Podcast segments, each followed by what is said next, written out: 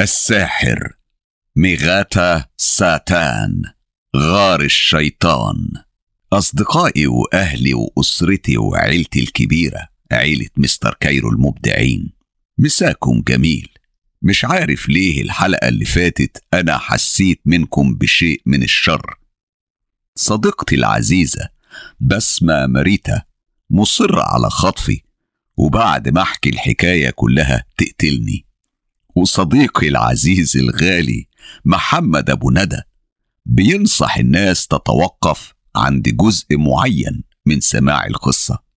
يا صديقي العزيز لو استطاعوا لفعلوا منذ حين ولكن أنتم الآن في حضرة الساحر تحت تأثير العجيب.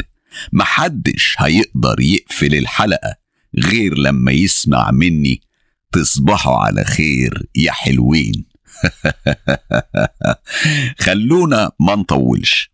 علشان أنا نفسي متحمس بعد قفلة الحلقة اللي فاتت.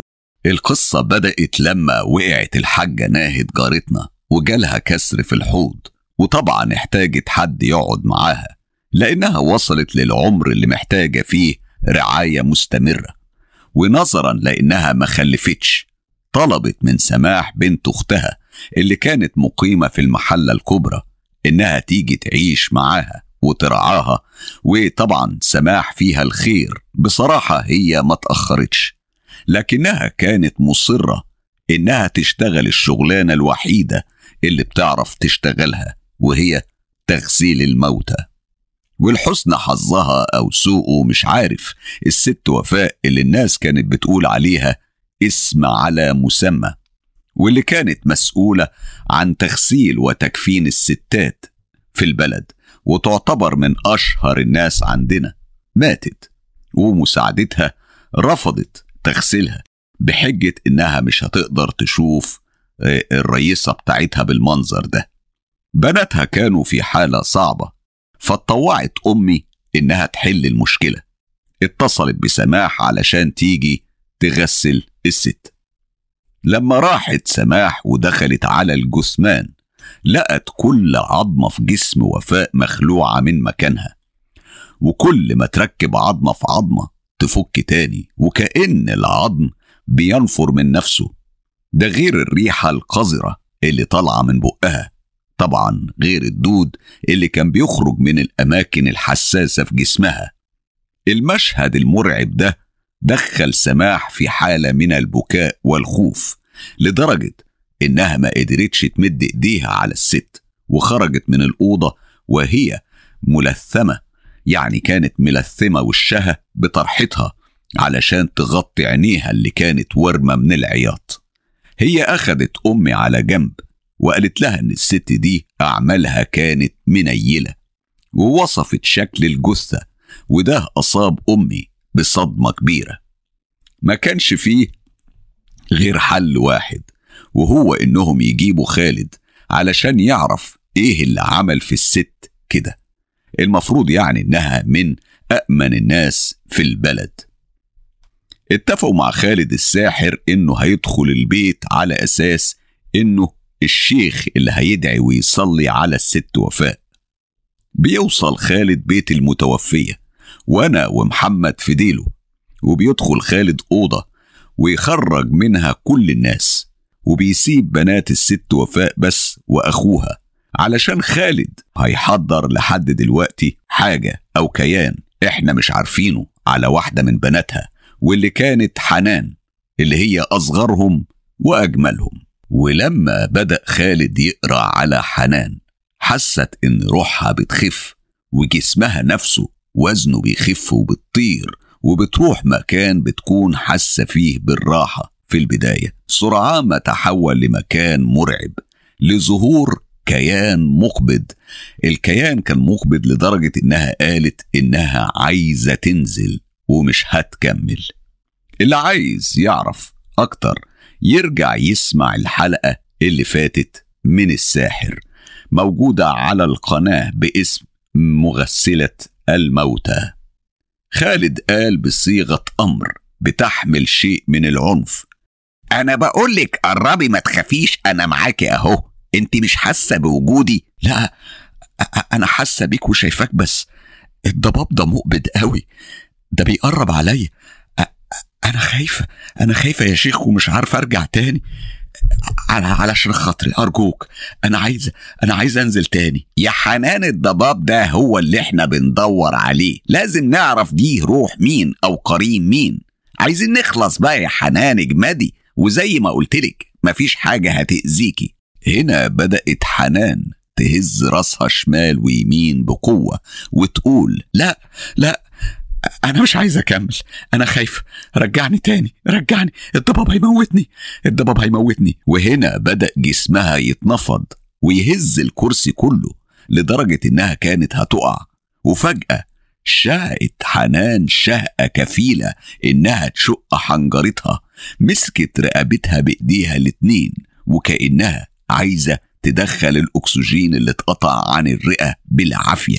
وهنا قربوا اخواتها جري عليها فرفع لهم خالد ايديه انهم يقفوا مكانهم. وقال بعنف وحدة محدش يقرب أنتوا كده هتأذوها أنتوا متخيلين أنا جاي أعمل إيه؟ أبص في عينيها أعرف إيه اللي حصل. دي جلسة استنطاق قرين يا سادة. زين خال حنان. كان ساكت خالص بس حسيت وأنا جنبه إن جواه بركان هينفجر في أي لحظة. وده كان واضح قوي من صوت الزمجرة المكتومة اللي كان بيطلع منه بدون قصد. هو أخد كام خطوة وقرب على خالد تقريبا علشان لو حنان حصل لها حاجة هيخنقه ويخلص عليه. أنا ميلت على محمد وقلت له "آه، واضح إن خالد هيموت الصاروخ وهتكون أرواحنا إحنا التمن. بص لي محمد بابتسامة ما ظهرتش على شفايفه وقال آه الله يحرقه. أنا يعني ما كانش حضر على زين أحسن. لحد الوقت ده كانت حنان لسه بتعاني علشان تتنفس. وبعد ثواني بدأت تتكلم تاني بهدوء غير عادي بعد الصدمة دي. ومعاها ظهرت الراحة على وشوش إخواتها. أنا أنا شايفة وفاء دلوقتي.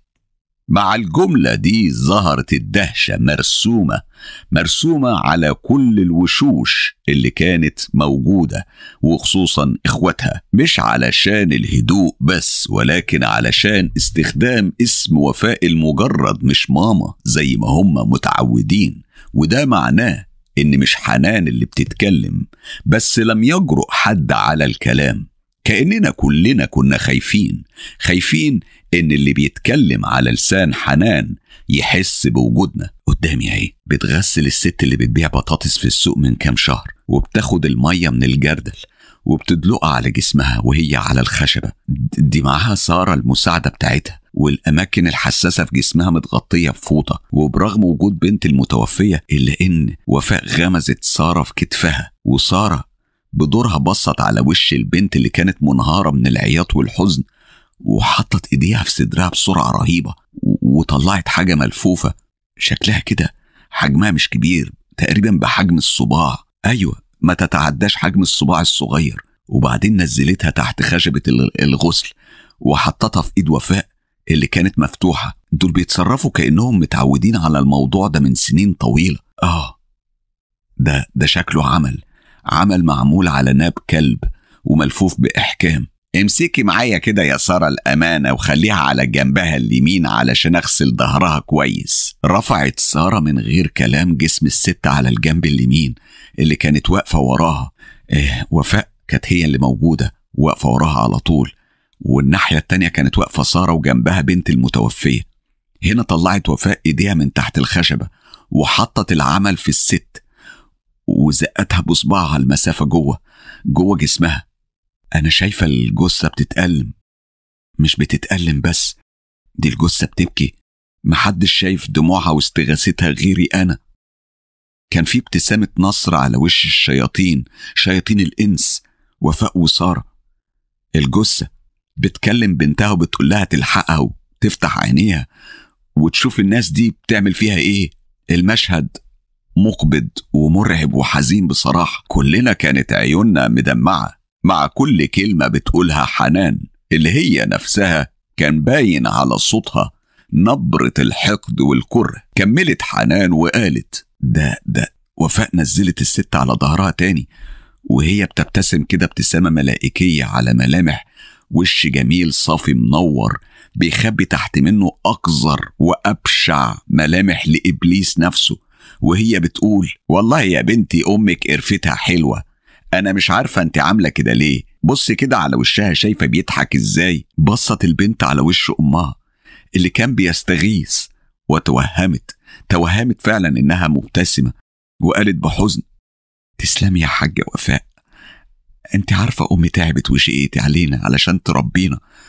وفي الآخر يا عيني ماتت محرومة من كل حاجة. حسست وفاء على جثة الست. وقالت هي يا حبيبتي هتتعوض عن كل ده في الآخرة. ما تقلقيش. افتكري ربنا يا بنتي هو أحن عليها مننا. في الوقت ده كانت أحشاء الجثة بتتحرق. نار ظهرت في معدتها وصوت صريخها أنا سمعاه سمعاه بيشق وداني. ما اكدبش عليكم بعد كل اللي شفناه في حياتنا وتوقع الشر والأفعال الإجرامية الشيطانية من أي حد إلا إن مع كل كلمة كانت بتقولها حنان كانت بتكسر جوانا حاجة وكانت بتقتل بتقتل جزء من أرواحنا.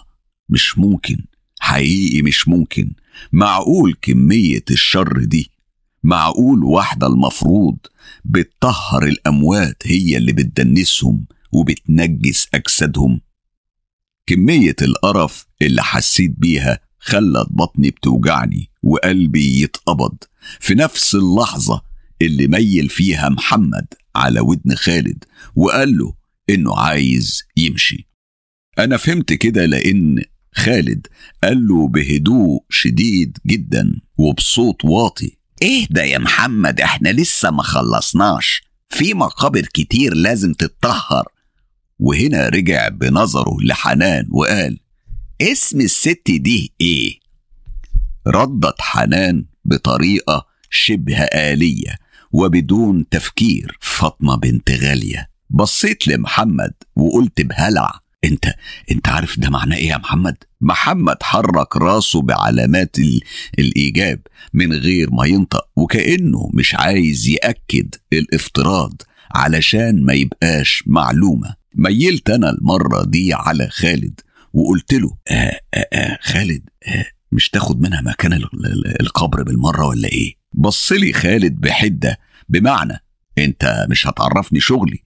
ورجع بص لحنان تاني وقال في حد تاني يا حنان غير دي؟ ردت حنان. آه كتير في كتير. رد خالد عليها وقال طب كملي يا حنان كملي. سكتت حنان ثواني وكأنها مستنية مستنية الإذن إنها تكمل. وكأن شريط الفيلم بيتغير. وبعدين قالت أنا شايفاهم تاني أهو عند واحدة جارتنا. الله دي الست حكمة. هنا أنا ومحمد أعتقد أكتر الناس اللي اتصدمت من الاسم لأن اللي بتتكلم عليها دي هي الأستاذة حكمة مدرسة العربي بتاعتنا في ابتدائي. كانت ست جميلة وهادية وأم لكل التلاميذ. هل ممكن الشر يوصل للدرجة دي؟ وممكن المشاعر تختلف فجأة كده مش لأكتر من إن المرة دي اللي حصل ده لواحدة تهمنا أو نعرفها بشكل مباشر ونعرف إنها ما تستحقش اللي هيحصل فيها دلوقتي. وهنا ألم بطني تضاعف. حكمة نايمة على الخشبة كانت بتعيط من قبل أي حاجة. واضح قوي إنها كانت عارفة اللي هيحصل فيها. سكتت حنان ثواني بتبلع ريقها وكأن اللي هيحصل حاجة في منتهى الرعب. وفاء والشيطانة اللي اسمها سارة قلعوا حكمة هدومها والدهب بتاعها وقالت وفاء لبنت حكمة اللي كان واضح إنها هتموت بعد ما أمها تندفن خدي يا بنتي شيلي الدهب ده في مكان أمين. بس بعيد عن الأوضة دي علشان ما تضمنيش يعني والناس بتشيلها. ممكن يعني حد يمد إيديه عليه. الناس أصلها نفوسها بقت وحشة قوي يا بنتي. أخدت البنت بحزن شديد دهب أمها وخرجت. وأول ما الباب قفل. طلعت سارة من تحت كمر البنطلون بتاعها عمل حجمه كبير شوية عن اللي كان معمول على ناب كلب. شدت وفاء راس جثة حكمة لورا علشان بقها يتفتح على الآخر. وبعدين حطت فيه العمل وطلعت عصاية ملساء مش طويلة من تحت العباية بتاعتها. وفضلت تحشر العمل في زور حكمة. العصاية كانت باينة من بره وهي بتشق الحنجرة لحد تقريبا ما نزلته للمعدة. لما طلعت العصاية كان الطرف بتاعها غرقان دم. وهنا سارة كانت خايفة ومرعوبة وبتقول لها يا نهار أسود يا نهار أسود الست زورها اتجرح. ردت عليها وفاء بثبات غير عادي. ملكيش دعوة أنا اللي بغسل وأنا اللي هداوي الجرح ده. كل ده بيحصل وحكمة بتصرخ ودموعها نازلة على وشها. على فكرة دي دموع حقيقي مش زي صوت الصريخ والأنين والاستغاثة اللي بسمعهم أنا لوحدي. دموع حقيقية نزلت من عيون حكمة. بلت خدها وهنا مسحتها وفاء بسرعة وهي بتقول معلش يا حبيبتي بس ده أكل عيشي. زي ما أنت يعني كنت بتعذبي الأطفال في المدرسة علشان أكل عيشك وراضية. المفروض إنك تكوني راضية على اللي بيحصل دلوقتي. ياه! قد إيه الست دي كانت مجرمة وقذرة؟ ده مين اللي سماها وفاء؟ الست دي ما ينفعش تندفن في المقابر بين الناس. دي دي لازم جثتها تتحرق وتترمى في أبعد مصرف أو ترع دي كانت جملة سماح اللي خلت البنات تبص لها بتهكم وزين بيبص في الأرض لإحساسه بالعار. فبرأ لها خالد وقال إن الله حليم ستار يا سماح. ولو ربنا مش عارف إنك هتستري عليها وكمان هتغسليها ما كانش حطك في وسطينا دلوقتي. كانت هتعترض سماح لولا بصت خالد ليها بمعنى الناس ملهمش ذنب واتفاجئوا زينا. سكتت سماح. قولي لي يا حنان اسم حكمة إيه؟ ردت حنان كالعادة بالطريقة الآلية المعتادة. حكمة بنت حفيظة. في حد تاني يا حنان؟ ردت حنان وهي بتحاول تاخد نفسها. آه في في في تاني. الست سعيدة صاحبة أكبر محل لتجارة الأجهزة الكهربائية. هنا البنات حست بالرعب. سعيدة دي من الناس أصحاب النفوذ في البلد. أو كانت كده يعني قبل ما تموت وتدنس جثتها. ولو حد عرف مش بعيد يحرق جثة وفاء وعيلتها كلها. رد خالد بعد ما قدر هيبة الاسم على الحاضرين. كملي كملي دي ممكن يكون العمل بتاعها فين يا حنان؟ اترسمت ابتسامة شيطانية على الوش الملائكي وهي بتقول متخيط ومقفول عليه في فرجها وقع الكلام اللعين ده على ودنا كان يموت. مش من الخوف بقدر ما هو حقير وقاسي. كملت حنان وقالت وفاء واقفة أهي جنب الجثمان أو الأمانة زي ما بتقول. خدمتها الظروف الظروف بتاعت المتوفية جدا لأن ما عندهاش أولاد بنات. اللي دخل معاهم في الغسل المرة دي مرات ابنها اللي من الأصل ما كانتش بتحبها. وعلشان كده قالت لهم إنها هتقعد في البلكونة لحد ما يخلصوا. وفعلا أه ما التفتتش وراها لحد ما خلصوا كل حاجة. طلعت سارة اللي كانت متخصصة في شيل الأعمال عمل خطير. معمول على عظم ميت فيما يبدو. واداته الوفاء في العلن. وعلشان الاطمئنان اللي كانوا شغالين فيه وبدل ما تحط العمل في جسمها من ورا زي الست فاطمة غيرت رأيها وقررت إنها تحطه في مكان عفتها. وطلعت الخيط اللي كان معاها دايما وخيطت بيه المكان ده وقفلته تماما على العمل. وبعدين غسلت سعيدة وكفنتها وسلمتها لأهلها من غير ما حد يفكر حتى يبص عليها من باب الاحتياط. سعيدة كانت أكثر المتوفيات اللي تعبت وعانت. عانت فعلا في تركيب العمل وفي الحروق اللي سبب لها العمل أو تسبب لها فيه في الأماكن الحساسة دي. سعيدة كان في جسمها حطبة من حطب جهنم نفسها. اسمها يا حنان بسرعة علشان مفيش وقت. بنفس الطريقة قالت حنان سعيدة بنت خديجة. وهنا قال خالد في تاني يا حنان. وحنان تحكي كل مرة مأساة شكل وكل مرة أفظع من اللي قبلها. لحد تقريبا ما بقى معانا حوالي 12 اسم. في الوقت ده قال خالد أنا هفوقها. فرد زين بحدة وسرعة وكأنه كان مستني اللحظة دي. لا لا استنى. أنا عايز أعرف مين الساحر اللي كانت بتتعامل معاه هي والشيطانة اللي اسمها سارة دي. بص خالد لحنان اللي اترسم على وشها ضيق وقال بصيغة أمر. جاوبي يا حنان جاوبي. اترعشت شفايف حنان بقوة. كانت ناوية تقول حاجة بس الكلام وقف في الحنجرة ورفض الخروج.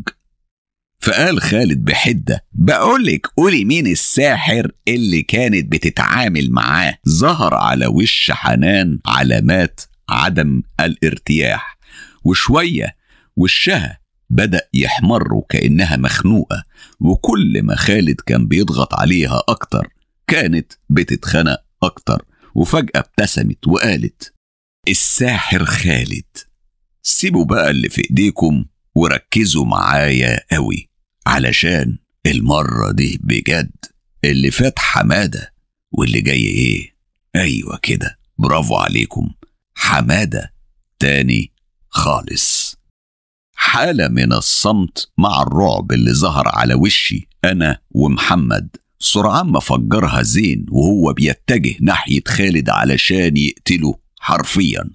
المشكلة إن دي حالة من الحالتين اللي مستحيل يحصل عليهم سيطرة. على الأشخاص. الحالة التانية هي حالة الاستحواذ الشيطاني على جسمه. ما اكدبش عليكم أنا ومحمد نفسنا كنا في حالة ذهول وأمي كتمت الصوت خالص. وبرغم الحالة الغريبة اللي صابتني أنا ومحمد إلا إننا دافعنا عن خالد ببسالة لدرجة إن محمد أخد بوكس خلى مناخيره تنزف وهنا بدأ خالد ينادي على صالح. وفجأة قال سيبوه سيبوه سيبنا زين اللي وصل بكل حماس لحد قدام خالد ووقف وهو بيحاول يرفع إيديه مش قادر. وهنا خالد قال بعظمة وكبر إيه رأيك؟ إيديك اللي اتمدت على المساعد بتاعي دي أخليها مدلدلة جنبك كده لحد ما تقابل ربنا. إيه رأيك يا محمد نخليها كده؟ أصلها ملهاش لازمة. برقت عيون زين وظهر فيهم استعطاف. فقال خالد ولا أقول لك أنا هطلع أكرم منك. هفكك بس بعد ما أخد طاري. وأنطقها بالحقيقة الحقيرة دي. وبص فجأة الحنان وهو بيقول أين اتباعي المخلصين قائد الأفيال وحامل الثعابين وسيد الغواصين؟ هنا أنا قلت في بالي والله زمان من فات قديمه تاه كمل خالد وقال أستحلفكم بعهدي معكم أن تستنطقوا هذا القرين الخبيث بالحق. بدأ وش حنان يتخنق تاني.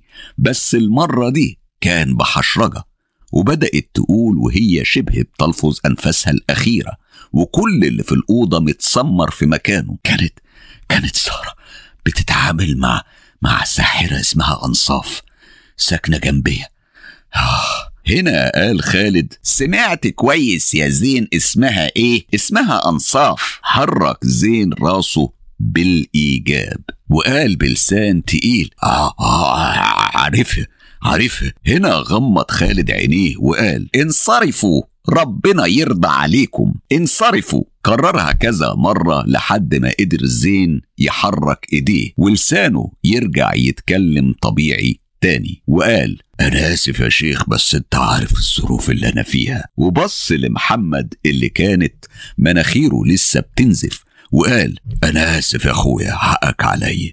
فوق خالد حنان اللي كانت على حافة الموت حرفيا وقال خدوا حنان ترتاح هي هتتعب فترة بس هتبقى كويسة وبص لزين وكمل شوف انت هتعمل إيه بقى مع أنصاف. وبص لسماح وقال لها وانت يا سماح غسلي الست وفاء وكفنيها وبرغم نظرة القرف اللي كانت ظاهرة على وش سماح إلا إنها ما اتكلمتش دليل على الموافقة. وبص لي أنا ومحمد وقال وأنتوا بقى هتيجوا معايا. قلت وأنا قلبي بيرقص بين ضلوعي من مجرد الفكرة اللي خطرت في راس خالد. على فين؟ آه على فين إن شاء الله خالد؟ بص لي بالابتسامة الصفرة الخبيثة بتاعته وقال ما أنت عارف يا وليد على فين؟ أنت هتصيع عليا على التراب طبعا زي ما أنتم عارفين. بيت المجرمة وفاء كان قريب من الترب أو المقابر. مش عارفين علشان ساكنين معاها طبعا عارفين علشان أنا قلت المعلومة دي الحلقة اللي فاتت. روحوا اسمعوها تاني وركزوا. الترب كانت فاضية تماما لأن ده ما كانش يوم زيارة. نقدر نقول إن خطواتنا في الترب كانت مسموعة لكل الأموات تقريبا. ومع إن الوقت كان لسه قبل الظهر إلا إن السكون القاتل ده كان مرعب جدا. الترب هي الحاجة الوحيدة اللي بترعب الصبح وبالليل. بعد مسافة مش طويلة ظهر لنا الهدف المنشود حارس المقابر اللي بنسميه التربي بغموضه المعهود. أعتقد إنه لو مش غامض ما ينفعش يبقى تربي واللي أعتقد إنه واحد من أحفاد عوض لأنه نفس الوصف اللي حكلنا عليه عم أحمد وإحنا صغيرين أيام ما كان بيقول لنا أسرار المقابر أم خلخال وسلطان وقدارة وغيرها من القصص المرعبة والتجارب اللي حكيتها لكم بالتفصيل لأنه كان بيحمل نفس الملامح تقريبا قبل أي سؤال منه قال خالد بأسلوب رئيس المباحث أنت التربي المسؤول هنا مش كده؟ رد التربي وهو بيلخبط في الكلام. آه يا باشا في حاجة ولا إيه؟ رد خالد بنفس الأسلوب. هو من ناحية في حاجة في كتير. لو ربنا بيحبك تتحبس وما تطلعش من السجن تاني. رد التربي برعب شديد. يا نهار أسوخ يا ولاد. ده كده وربنا بيحبني. أمال لو غضبان عليا هيحصل فيا إيه؟ حط خالد إيديه على دقنه كأنه بيفكر بطريقة مسرحية. وقال له لو ربنا غضبان عليك أهالي الميتين هيعرفوا أسرار مقابرهم إيه؟ وساعتها هيقطعوك حتت. وهيحطوا كل حتة في تربة. ليه بس يا بيه أنا أنا عملت إيه؟ أنت اسمك إيه؟ أني أني خدامك عوض. هنا أنا قلت في بالي. أيوه ظهرت الرؤية. يبقى ده أحد أحفاد عوض اللي كان بيأجر الجثث للسلطان. المهم خالد قال بشيء من اللين. لا يا راجل ما تقولش كده. ده أنا جاي أساعدك. وعلى فكرة علشان تطمن يعني أنا مش ظابط. هنا اترسم الغضب على وش عوض وقال أمال أنت مين؟ وبتحقق معايا ليه؟ وعايز إيه؟ شوف يا عوض اللي أنا قلته حقيقي.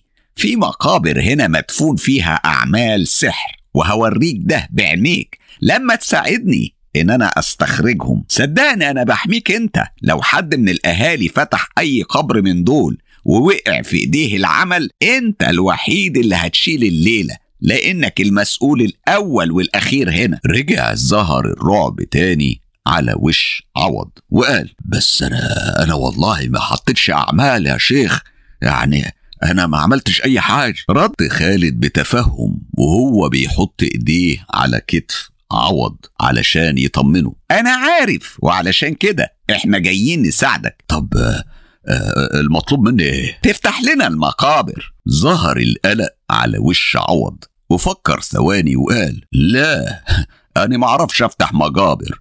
قال إيه مقابر أفتحها. أفتحها إزاي يعني؟ كده يبقى لازم نجيب أهالي الناس دول يفتحوها هم. شال خالد إيديه من على كتف عوض وقال كده بقى يبقى أنت عايز تشيل الليلة. أنت متخيل إننا لما نطلع أعمال من مقابرهم الناس هتصدق إنك مش مشارك في الجريمة دي. أنت ما سألتش نفسك الأعمال دي دخلت التراب إزاي؟ رد عوض باستنكار. وأنا إيش عرفني يعني إنكم جايين تشيلوا أعمال مش تحطوه؟ هنا قال محمد. كويس قوي اللي أنت بتقوله ده. اسمع جربنا في واحد لو لقيتنا بنعمل حاجة مريبة تقدر تروح تبلغ عننا أو تسلمنا يعني للناس يعملوا فينا اللي هم عايزينه. عوض لقى الكلام منطقي فقال بتفهم طب تربة مين اللي عايزين تفتحوه؟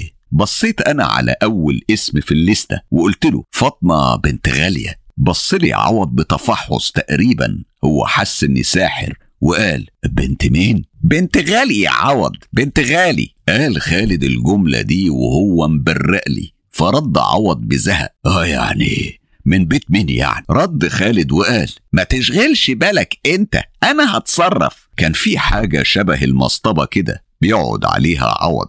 أكيد يعني ووزة لو حب يغير جو يعني. فقعد عليها خالد وغمض عينيه.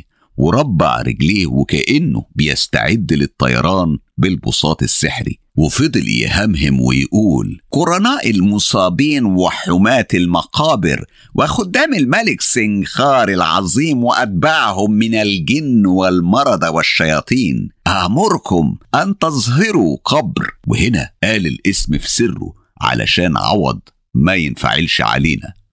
كمل شوية همهمات. وبعد ثواني لا تتعدى الدقيقة. قام شاور على مكان في نص المقابر.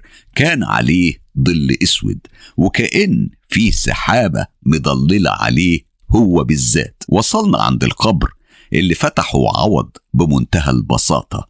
ونزل خالد طلع من تحت العمل اللي كان شكله مرعب قدام عيون عوض اللي كان مصدوم من اللي بيشوفه. مش هنقدر نفك العمل ده هنا لازم في البيت. وطلب من عوض يجيب له كيس أسود حط فيه العمل اللي رفضت أنا ومحمد نشيله. الموضوع ده اتكرر مع كل الأسماء وإحنا شغالين. سمعنا صوت جنازة داخلة جديد. اتأكدنا إنها جنازة وفاء اللي كانت تقيلة ومش عايزة تدخل الترب خلصنا الحوار بتاع الأعمال ده بعد العصر بفترة كبيرة وروحنا سيبنا خالد لأعماله يفكها براحته ودخلنا إحنا شقتنا نستريح من اليوم الطويل ده. تاني يوم كانت سماح والحاجة ناهد بيسلموا على أمي علشان سماح أقنعت ناهد إنها تعيش معاها في المحلة الكبرى ودي كانت أول وآخر حالة تغسلها سماح عندنا. في يوم جمعة وكان خالد بيتغدى عندنا كالعادة لقيناه ماسك جورنال بتاع يوم الخميس ولاحظت إنه بيقرأ فيه خبر باهتمام. هو عادي إن خالد يقرأ جرايد بس الغريبة إن فيه أخبار تهمه للدرجة دي. مع الدقايق بدأت ملامح وشه تتغير ويظهر عليهم الغضب مختلط بالقلق إن لم يكن بالرعب. الحكمة في الحالات اللي زي دي بتقول إني أراقب حركات الجورنال في إيديه علشان لما يسيبه أعرف هو كان بيقرأ أي خبر وأعرف من الجورنال إيه اللي قلقه بالشكل ده. لأني لو سألته بشكل مباشر مش هيرد عليا أو هينكر. أول ما خرج خالد من عندنا جريت على الجورنال وهنا اتفاجئت بمحمد هو كمان رايح عليه. واضح إن الواد محمد ده مش سهل وبيستخدم نفس الاستراتيجية اللي بستخدمها ودي طبعا حاجة مرهقة جدا. ابتسم لي وقال لي ده أنت واد مش صافي من جواك على فكرة. ضحكت وقلت له من بعد ما عندكم يا ظريف. المهم الخبر كان بيتكلم عن مكان في جنوب سيناء محتمل فيه ظهور حيوان السلعوة. بالمناسبة حيوان السلعوة ده خليط ما بين الذئاب والكلاب البرية وهو أشرس من الاتنين بكتير. الخبر كان جايب صورة لقطيع من المعيز متقطع تقريبا كله مفيش فيه حتة سليمة. بس الصورة كان فيها حاجة غريبة لازم تشد انتباهك لأول مرة.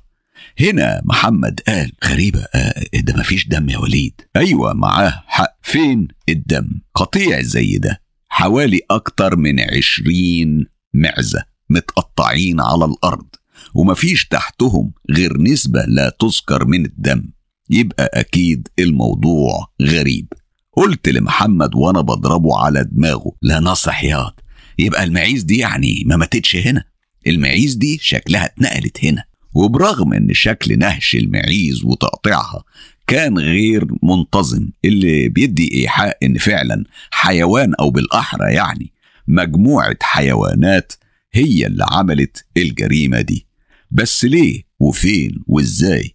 وحتى لو حيوانات متوحشة هي اللي عملت كده. طب ما أكلتش الجثث دي ليه؟ ده تصرف مقصود بيه زرع الرعب في قلوب الناس. وبرغم كل التساؤلات دي إلا إنها لم تبرر شكل وصدمة خالد لما قرأ الخبر. أكيد خالد عرف حاجة إحنا مش عارفينها أو شاف حاجة إحنا ما شفناهاش. تاني يوم وإحنا رايحين الجامعة كان باب خالد موارد. إنتوا أكيد حفظته إن دي دعوة للدخول وإحنا أصلا الفضول مموتنا من إمبارح. فدخلنا ومحمد بيقول أكيد عارف إحنا عايزينك في إيه. كان خالد قاعد مكانه مربع والنني بيدور في عينيه بطريقة غريبة. الحركة اللي بيعملها لما بيكون شغال على حاجة أو في حضور معين في المكان وقال وهو مبتسم ابتسامة شيطانية. أكيد طبعا عارف. أنا حاولت أعمل ناصح وأنا بقول له طب تفتكر يا خالد كده المعيز دي اتقطعت كده فين؟ مش ده المكان اللي هي ماتت فيه مش كده؟ ابتسامة خالد وسعت وهو بيميل بجسمه على قدام وقال بعمق مرعب ميغاتا ساتان. شيء من القلق ظهر على ملامح محمد. وقال يا أخويا بقى ميغاتا ساتان بتاعك ده. رد خالد وهو لسه على وضعه. ميغاتا ساتان يعني غار الشيطان بالعبري ده غار ملعون في المنطقة دي في سينا. اسمه المعروف بين الصحراء ميغاتا ساتان لأنه بيتعمل فيه نوع مرعب من أنواع السحر. اسمه هكاسا ميشا ساتان. أو بالعربي سحر الشيطان. الهلع اترسم على وشنا برغم إن المسافة بينا وبين الكلام ده بعيدة بس قلبنا اتقبض بكل ما تحمله الكلمة من معنى. طبعا كانت معلومات مرعبة زي ما أنتم سامعين. عبري وغار وسحر مقترن باسم الشيطان. شيء يعني في منتهى الرعب بصراحة. قلت وأنا بتمنى يخيب ظني. طب وخالد وانت مالك بحاجة زي دي؟ شوف يا ابني انت وهو. علشان تقدروا خطورة الموضوع النوع ده من السحر ما يقدرش حد يقف قدامه. سحر بيتعمل على لحم ودم الحيوانات والقوي منه بيتعمل على لحم ودم بشري. والوحيد اللي كان بيعمله بالقوة دي ساحر واحد بس اسمه جبريال. ده ساحر صهيوني. قطعه محمد بسرعة وقال يبقى رجع زفت الطين ده ولا إيه؟ بص خالد لمحمد بطرف عينيه. بمعنى أنت بتفتي ليه؟ وكمل. الراجل ده أنا كنت شاهد على موته بنفسي من كام سنة. اترسم الرعب على وشنا من المعلومة. فقلت أنا وكأني بطمن نفسي. مش مشكلة يا معلم ما دام بعيد عننا يبقى يولع بجاز هو واللي جابوه كمان. سواء يعني كان هو أو عفرته أو حد غيره أو حتى إبليس نفسه. قال خالد بأسف بعيد عنكم أنتم يمكن إنما عني أنا لا. وصدقوني مش هيفضل بعيد عنكم أنتوا كمان كتير. السحر ده عامل زي السرطان. لو اتعلموا العوام من الصحراء الخراب هيطول الكل. محمد قال بنفاد صبر. آه آه يعني يعني انت عايز مننا إيه دلوقتي يا خالد؟ ابتسم خالد بلقم كالعادة وقال أنا لحد دلوقتي مش عايز بس يمكن يمكن يعني أنتوا اللي تعوزوا. الفضول اللي قتل القط اتحرك جوانا كالعادة. يعني إيه يا عم خالد ما تلخص؟ يعني أنا بكرة مسافر على جنوب سينا وقلت أقول لكم يعني علشان تلحقوا تألفوا قصة تقولوها للحاج جمال. بصيت لمحمد برعب لأن الموضوع المرة دي مش سهل ولا بسيط. بمعنى إن إحنا هنتورط في الموضوع ده. فقال محمد لخالد بتساؤل طب وإنت إيش عرفك إن إحنا ممكن يعني نروح مشوار زي كده؟ اكتفى خالد بزيادة في الابتسامة وما قالش ولا حرف. أول ما خرجنا من عند خالد محمد قال لي أنت إيه رأيك يا نجم؟ هنعمل إيه؟ وتفتكر الراجل ده واثق إن إحنا هنروح معاه قوي كده ليه؟ تفتكر آه وليد بجد تفتكر هو عارف حاجة إحنا هنعملها كالعادة؟ رديت بدون تفكير بدون تفكير اطلاقا. بص يا محمد آه أنا بالنسبة للجزء الثاني من سؤالك يا حمادة هو يعني واثق إن إحنا هنروح معاه ليه؟ هو طبعا علشان عارف فضولنا اللي هيودينا في داهية مش لازم يعني مش لازم يكون عارف إحنا هنعمل إيه. يعني انت لو سألت عيل صغير في العمارة هيقول لك إننا هنعمل المستحيل علشان نروح معاه. لكن بالنسبة للجزء الأول من السؤال هنعمل إيه؟ فالإجابة هنروح معاه طبعا مش بس بسبب الفضول بس علشان السبب الرئيسي اللي قاله. ده بيقول إن الخطر ده لحد دلوقتي بعيد عننا. اسمع واضح إن خالد عارف معلومات أكتر من اللي قالها. ده غير إننا مش عارفين هو أصلا حضر وشاف موت الساحر جبريال ده إزاي. الله يحرقه. طب ويا ترى خالد شارك في, في, في موته ده ولا إيه؟ واللغز الأكبر بقى لو الراجل ده حقيقي مات يبقى مين ممكن يكون بيعمل كده؟ المهم طول الطريق وإحنا رايحين الجامعة وراجعين منها بنفكر هنقول لبابا إيه في موضوع السفر ده. من ضمن آلاف أو مئات الآلاف من الأفكار الشريرة قال محمد اسمع وليد إحنا هنقول له إن في تجمع ونشاط فني هيتعمل في سينا وهيكون عليه شوية درجات في آخر السنة. وأي كلام بقى في الكنافة أنت فاهم. وبصفتنا بنرسم كويس ومع دمج الرسم بدرجات زيادة آخر السنة أبوك مش هيفكر كتير. هو عارف إحنا كده كده مش بنذاكر فمش هنعدل الميلة يعني بوجودنا جنبه فهيوافق. بيني وبينكم كانت خطة ذكية بس كانت محتاجة تتلعب باحتراف. بابا برضه مش قليل. روحنا وحكينا الحوار لنجلاء وميسة علشان نتقي شرهم وإن إحنا هنألف القصة بتاعة التجمع الفني ده على بابا علشان نجلاء ممكن تهد المعبد على نفوخنا بعد محايلات كتير وافقوا وبعد ما رجع بابا بالليل وإحنا بنتعشى محمد قال شفت الإعلان يا ود يا وليد بتاع التجمع الفني في سينا ده؟ أنا رديت بشكل أوفر. آه يا ده, ده, ده عليه درجات كتيره قوي في آخر السنة وشغلانة. يعني أنا شفت الإعلان بس كنت هقول لك أنا كمان والله ونسيت يا محمد. رد محمد. طب إيه مش هنروح نرسم كام لوحة هناك كده و... وناخد لنا كام درجة مضمونين؟ أنا رديت بطريقة مسرحية. لا يا راجل يعني مش للدرجة دي. نروح سينا علشان نلم درجات. طب ما تخلينا هنا نذاكر وما نحتاجش الحوار ده كله. هنا قطع كلامنا بابا. وقال بسخرية بص يا دي انت وهو لو مفكرين إن الحوار ده كله هيدخل عليا تبقى أنتوا محتاجين عملية نقل مخ قبل ما تذاكروا. بص لي محمد بإحراج وقال ما إحنا بنقول مش هنروح يا بابا. ضحك بابا وقال الكلام ده مش لو كان في حاجة زي دي أصلا من الأساس. اسمع يا دي انت وهو أنتوا كده كده مش نافعين وقعدتكم هنا زي قلتها. لو أنتم يعني محتاجين فعلا تغيير جو وعايزين تروحوا مع خالد عند خال أمه اللي في سينا هسيبكم تروحوا بس من غير صياعة. وبعدين يا مغفل أنت وهو هو ده سبب تقولوه؟ أنتم مفكرين نفسكم في الحضانة؟ كلية نظري ملهاش أي علاقة من قريب أو من بعيد بالفن بكل أشكاله. تقولوا لي تجمع فني؟ اتنيلوا وشوفوا هتعملوا إيه وترجعوا إمتى. نظرات السخرية طبعا. مش عايز أقول لكم على وش نجلاء وميسة. ماما ما استنتش وقامت تحضر شنطة فيها هدومنا وطبعا كالعادة تعليمات من إننا نلبس تقيل بالليل علشان البرد في المناطق الصحراوية بيبقى جامد بالليل والكلام الجميل ده. الصبح كان فيه شوية سندوتشات تتخطى المية ويمكن يزيدوا علشان المهم بدأت الرحلة إلى جنوب سيناء على خير ووصلنا هناك في منطقة ما افتكرش إن ليها اسم معروف على الخريطة.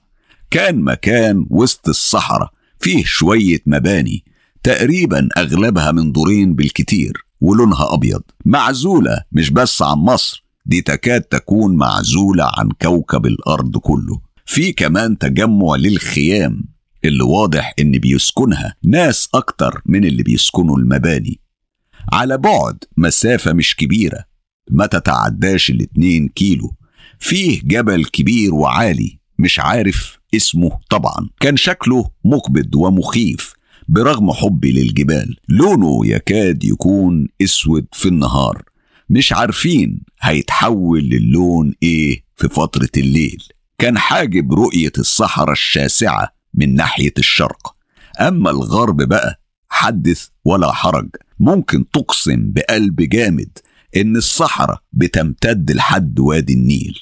إحنا وصلنا على بعد العصر بفترة. قابلنا واحد اسمه عم رحيم. اتعامل مع خالد بكل ترحاب وكرم. واضح إن هو ده الراجل اللي كان موجود عنده قبل كده لأن عم رحيم اللي كان بيبلغ من العمر تقريبا 57 سنة كان أسمر البشرة. دقنه تقريبا تكاد تكون كلها بيضة. طوله متوسط وجسمه رفيع وقال بغموض أنا عارف أنت رجعت ليه يا شيخ خالد. ابتسم خالد من غير ما يتكلم فكمل عم رحيم علشان الشر رجع. وأنا بقول في بالي الله يطمن قلبك يا عم الحاج. المهم خالد أخد منه مفتاح أكيد بتاع بيت مش بتاع خيمة يعني. وإحنا ماشيين عم رحيم قال هبعت لكم الغدا. أنا عارف إن أنتم جعانين. رفعت أنا كيس السندوتشات بتاع أمي في اللحظة اللي محمد قال فيها لا إحنا معانا أكل يكفينا إلى يوم يبعثون. البيت ما كانش بعيد. وكان نظيف ومريح. البلكونة زي كل البلكونات بتتفتح على الصحراء وفي بلكونة تانية من ورا بتتفتح على الجبل. بصراحة كنا مبسوطين وبرغم إن إحنا قلنا لعم رحيم إن إحنا معانا أكل إلا إنه بعت عيل عنده حوالي 12 سنة بصينية عليها أكل كتير ومعاه براد شاي كمان بالرغم إن البيت كان فيه كل حاجة غير الأكل. إحنا وقفنا في البلكونة مستنيين لحظة الغروب. وفجأة مش عارف ليه عجبتني القفلة بتاعت فجأة دي من الأسبوع اللي فات. فقلت أقفل بيها علشان تعرفوا تكهربوني وتخطفوني وتقفلوا الحلقة حلو. وعلشان صديقتي العزيزة أسماء وهي بتكتب قصة جثة وليد تبقى تشرح بتفاصيل أكتر شرا.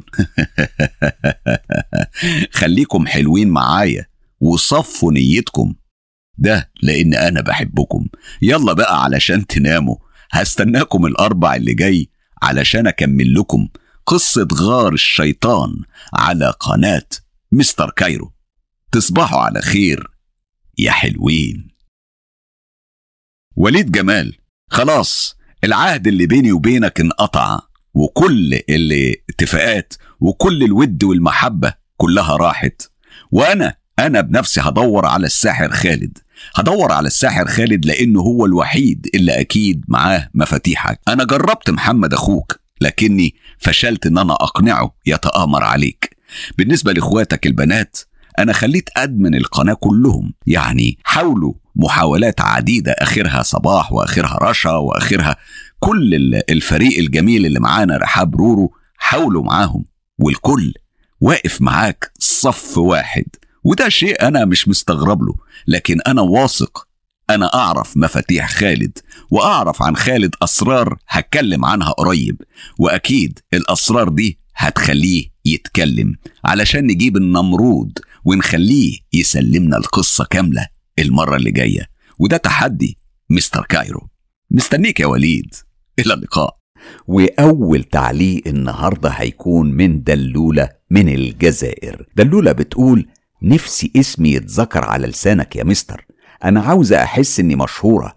ما أنا ياما بعلق لك يعني ما استاهلش. لا طبعا تستاهل يا دلولة ولو انت واخدة بالك كنت ركزتي في التعليقات لأن أنا زعتلك أكتر من تعليق قبل كده. لكن ما علينا دايما إحنا موجودين علشان ننفذ طلباتكم واللي أنتوا بتحبوا تسمعوا أتمنى إن تعليقك يكون وصلك. دلولة بتقول كمان أنا بمتابعتي لقناتك الجميلة ما عدتش بخاف. اتعلمت إن العالم ده تقدر تحاربه بالقرآن الكريم ومداومة الأذكار. وأتمنى إن أنت فعلا تفتكر تقول تعليقي. أنا بشكرك كتير يا دلولة اللي بتقول لي سلام يا بطل وأنا بقول لها سلام يا بطلة. أنتوا عارفين الجزائر وأهل الجزائر ليهم معزة كبيرة جدا في قلبي تحية كبيرة لكل المغرب العربي والمشرق العربي كمان لأن أنا بحب أصحابي من كل مكان في العالم. بشكرك دلولة من الجزائر. من الجزائر هنطلع على اليمن وهناك في اليمن فؤاد حمود بيقول لو سمحت اقرأ التعليق بصوتك المرعب وقول لي جاي لك الليلة جاي لك الليلة يا فؤاد حمود. اديني قلتها لك يا فؤاد ومساء الخير عليك. هو بيقول مساء الخير عليك يا غالي من القلب والروح. يا شيخ مشايخ الرعب انت تستاهل أكتر من كده يا أخي. حلوة شيخ مشايخ الرعب دي لذيذة. أشكرك كتير يا فؤاد حمود. تحية ليك تحية كبيرة جدا ليك ولكل أصدقائي في اليمن وخصوصا أدمن صفحة هستيريا قصص رعب. على فيسبوك وأدمن الصفحة الرسمية لمستر كايرو شدي علي من اليمن اللي بوجه لها تحية كبيرة جدا من القناة. وسعيد سعيد إن عندنا جمهور كبير من اليمن بيتابع القناة. فؤاد حمود بيقول أنا بحيي طاقم البرنامج فرد فرد. أخي العزيز لما سمعت التعليق واحد باسمي والتاني باسم ابني هاني فؤاد حسيت إني ملكت الدنيا كلها. شكرا لك يا أروع شخص. دمتم بألف صحة وعافية. أخوك أبو البشائر فؤاد حمود مالها العواضي. بشكرك كتير يا فؤاد العواضي. نورت الدنيا وتحية كبيرة مرة تانية لأهل اليمن وأهل الخليج. كلهم. التعليق ده من أكاونت اسمه محمد إيه إلكوت. بيقول أو بتقول مساء الخير والسعادة والعافية عليك مستر كايرو. أنا حابة أتواصل مع حضرتك بس مش بالكتابة لأني بصراحة بتخنق منها. بس أنا عندي تجربة وحابة إنك تسمعها. آه بس مش عارفة أتواصل مع حضرتك إزاي للأسف. أولا أنا بشكرك على تعليق الجميل وعايز أقولك إن مفيش أسهل من التواصل مع مستر كايرو. أنتوا لو دخلتوا على القناة وفي خانة التعريف هتلاقوا فيه لينكات الخاصة بالتواصل مع مستر كايرو من كل في كل وسائل التواصل الاجتماعي. يعني أنا متاح على الماسنجر متاح على تليجرام متاح على آه، الفيسبوك على الصفحة الرسمية. يعني في وسائل كتير. ده غير كمان ممكن تتواصلوا معنا صوتيا من خلال الروابط اللي هتلاقوها هناك. الصديق والأخ الغالي خضر طنطوري بينشر ليل ونهار كل الروابط الخاصة بالقناة وبالتواصل مع مستر كايرو. ممكن تستغليها. وعموما في كل حلقة من حلقات آه القناة بننزل في خانة الوصف كل الروابط دي بتكون متاحة وكمان دايما بنزلها في أول تعليق. أسهل وأسرع طريقة للتواصل مع مستر كايرو بشكل مباشر هي تطبيق تليجرام. وهحط لك الرابط النهارده في أول تعليق وهثبته بحيث تعرفي تتواصلي معايا من خلاله. وسجلي صوت زي ما بقول دايما من خلال التعليقات. جماعة لو ما بتعرفوش تكتبوا ما تقلقوش. سجلوا وابعتوا. إحنا عندنا كتاب محترفين. بياخدوا كلامكم وبيعيدوا صياغته وبيقدموه بشكل إذاعي وأدبي. راقي ممتع والأهم. مرعب وده اللي هيحصل. بشكرك كتير على تعليقك وإن أنت اتحت الفرصة إن أنا أحكي للجمهور إزاي يتواصلوا معانا. التعليق الجميل ده من ملاك أحمد اللي بتقول مفيش أجمل من الصدف اللي تجيب لك قناة زي قناة مستر كايرو. يعني حاجة كده تشبه النعيم ببساطة وعفوية تدخل قلبك وبدون ما تحس. بشكرك يا ملاك. والله تعليقك الجميل ده فعلا يعني خلاني أحس قد إيه أنا ممنون ليكم ولكل الأصدقاء اللي بيتابعوا القناة. انشروا يا جماعة وشيروا. هو ده اللي تقدروا تعملوه لصالح قناة مستر كايرو. لو بتحبوا المحتوى ده فعلا وحابين تدعموه انشروا وشيروا الروابط بتاعة القصص. شجعوا الناس إنها تسمع وبكل تأكيد ده هيكبر القناة وهيساعدنا إن إحنا نقدم محتوى أكتر و أقوى التعليق ده من آر كمال رزق اللي بتقول تحياتي لمستر كايرو فريق العمل الرائع. وأنا بوجه التحية لآر كمال رزق اللي بتتابعنا من بداية القناة من سنين. والحقيقة أنا نفسي أعرف اسمها الحقيقي. لأن أنا بشوف إن ال R هي اختصار بس. كل التحية ليكي آر كمال. رزق الأسبوع ده أنا نزلت تنويه سريع عن قصة المشرحة واللي هي كانت أول قصة زعتها في قناة مستر كايرو قبل أو قبل ما تتحول لقناة مستر كايرو لما كانت قناة مذيع تلفزيوني. حولتها لقناة رعب بسبب القصة دي. القصة مرعبة مخيفة وهتلاقوها متاحة وعليها مليون وربعمائة ألف مشاهدة. تابعوها واقبلوا التحدي زي أم الغزالة العربية. اللي بتقول أنا قبلت التحدي ورحت سمعت القصة لأول مرة. فعلا رائعة ومرعبة. مش عايز أقولك نشفت الدم في عروقي. أشكرك أم الغزالة العربية وأتمنى أن أنتوا كلكم تدخلوا وتسمعوا المشرحة. ولو عايزين فعلا تدعموا قناة مستر كايرو. القصة دي تحديدا انشروها على نطاق واسع. شيروها في كل حتة. ده هينفعنا كتير قوي وهيرفع من ranking بتاع القناة وهيخلي القناة تاخد مستوى أعلى. فواز ملحان بيقول هي دي الجرعة اللي بنستناها. هو بيتكلم على الملف الخاص بخمس ساعات من الأدرينالين واللي جمعت فيها كل قصص اللي أعاد صياغتها قيصر الرعب وليد جمال. بشكرك كتير فواز نورت الدنيا. سفيان الخطابي بيقول قصتي مع الجنية المغربية غريبة جدا. أنا عشت أحداثها سنة 2011 والله يا سفيان أنا معاك. حابب إن أنا أسمع القصة لكن أول مرة أسمع إن في جن واخد جنسية. يعني بتقول لي جنية مغربية. هو شيء غريب. الجن ملوش جنسية أرضية. الجنسيات دي حاجة إحنا صنعناها على كوكب الأرض. لكن في عالم الجن وطبقا لمعلوماتي المتواضعة جدا. مفيش حاجة اسمها آه، جنية مصرية وجنية مغربية وجنية أوروبية. مفيش الكلام ده. بس أنا كل شو أسمع قصتك يمكن أقدر أساعدك وأقولك الجنية دي جنسها إيه ونوعها إيه وتبع قبيلة مين؟ مرزق من الجزائر بيقول قصص ممتعة وإمتاع صوت أستاذ حسام. تحية لأحلى أدمن سهرانين وأصحاب القصص اللي شاركونا تجاربهم مع جن العالم السفلي. دايما بوجه لهم التحية. مرزق أنا بشكرك كتير على تعليقك الجميل. خوسي باركر بيقول نفسي أسمع قصص رعب. قصصك حلوة بس ما بحسش بالخوف. يا جماعة اقترحوا لي عنوان حلقة مرعب.